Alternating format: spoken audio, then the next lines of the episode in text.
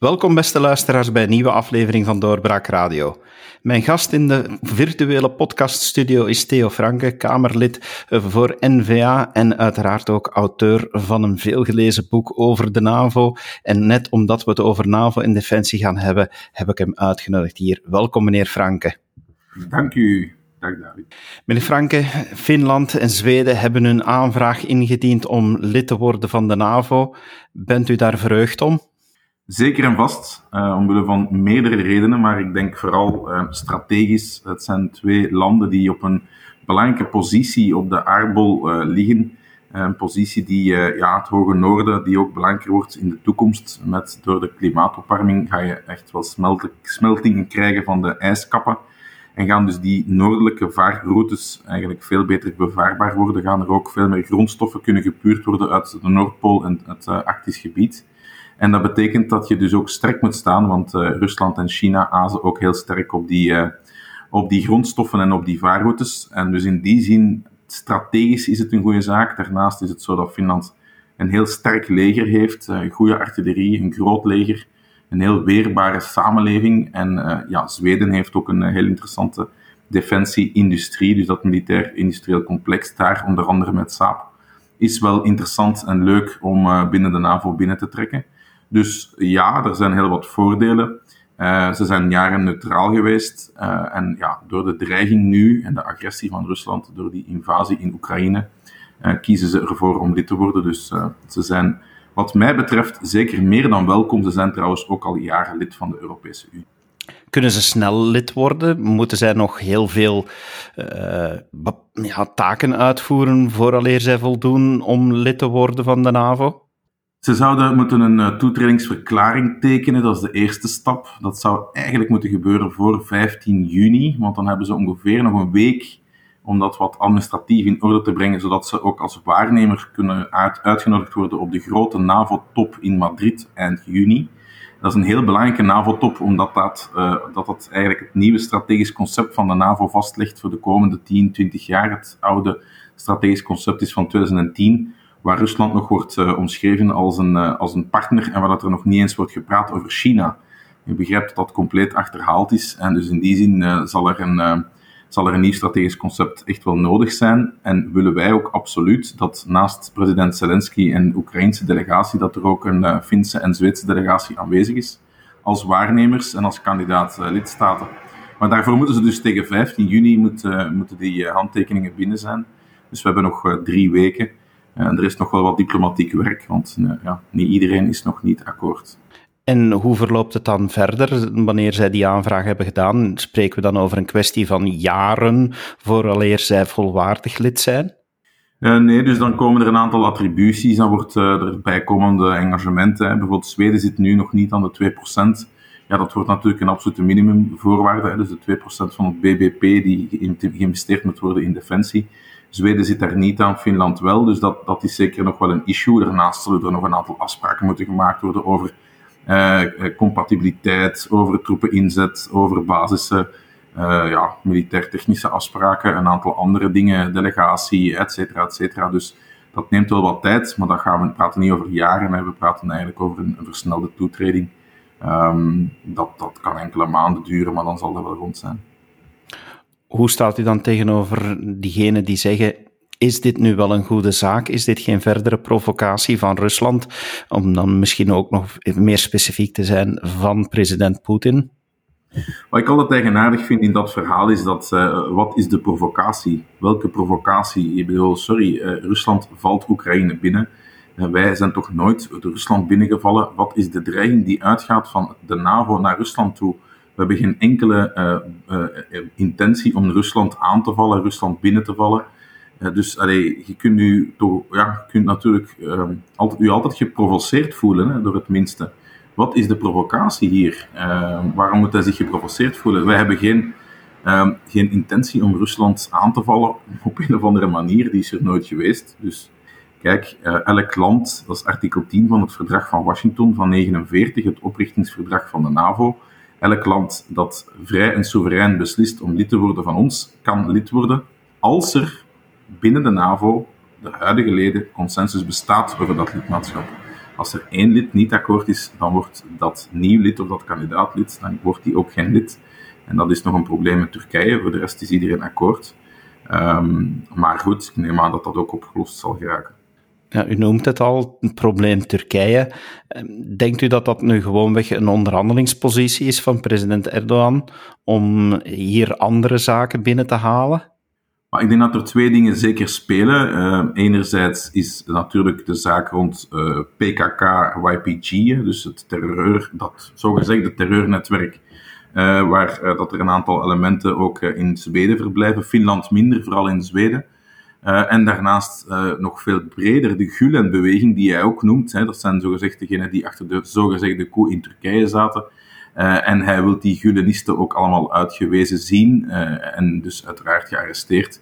Omwille dat het allemaal terroristen zijn. Erdogan gebruikt nogal gemakkelijk de term terroristen. Dat zijn heel veel terroristen. Um, en dus die, die Gulenisten moeten ook uitgeleverd worden, wat dat natuurlijk qua grondrecht, grondrechten voor, voor Zweden een heel groot probleem is.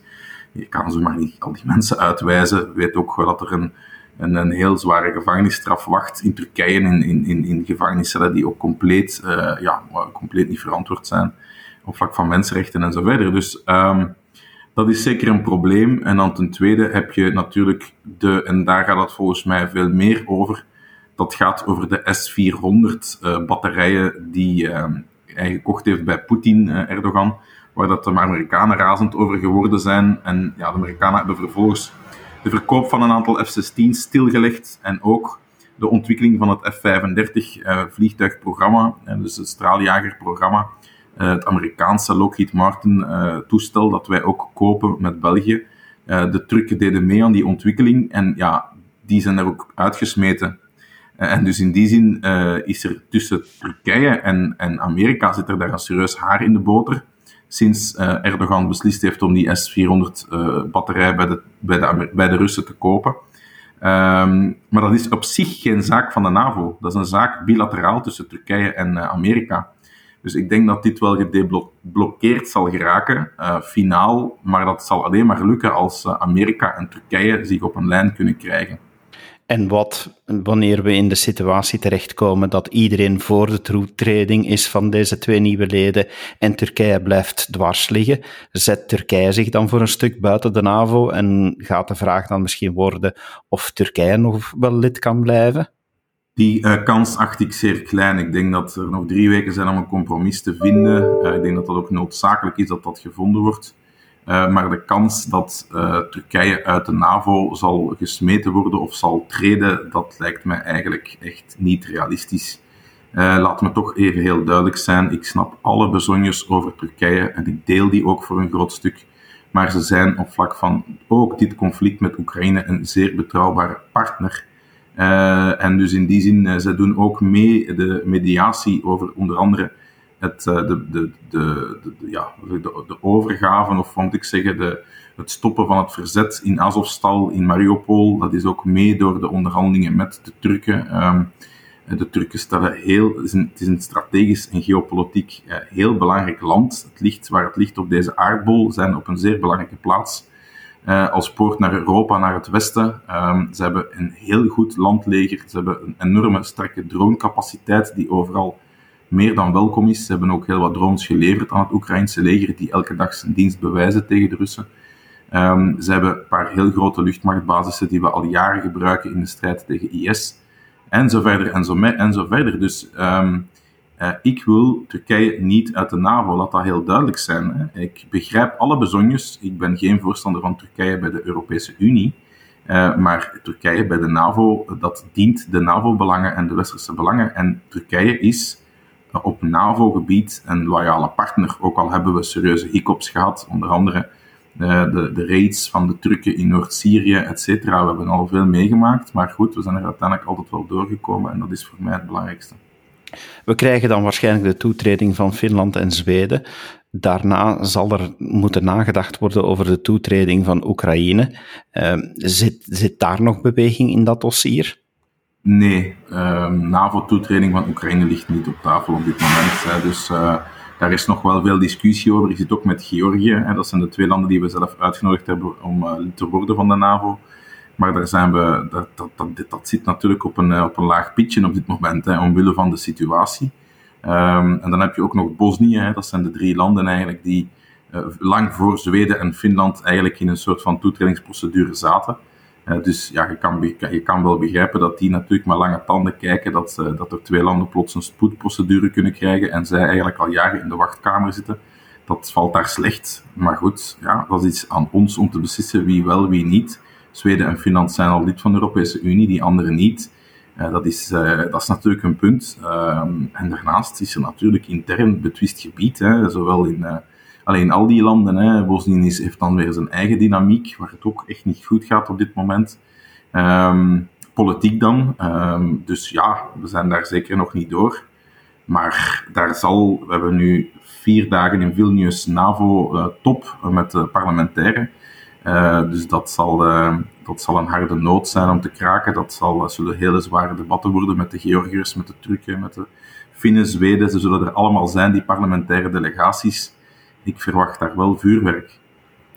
U zei daar straks ook al, ja, een van de voorwaarden voor Zweden wordt onder andere de norm van 2% uh, van het binnenlands bruto product uh, om uit te geven aan defensie.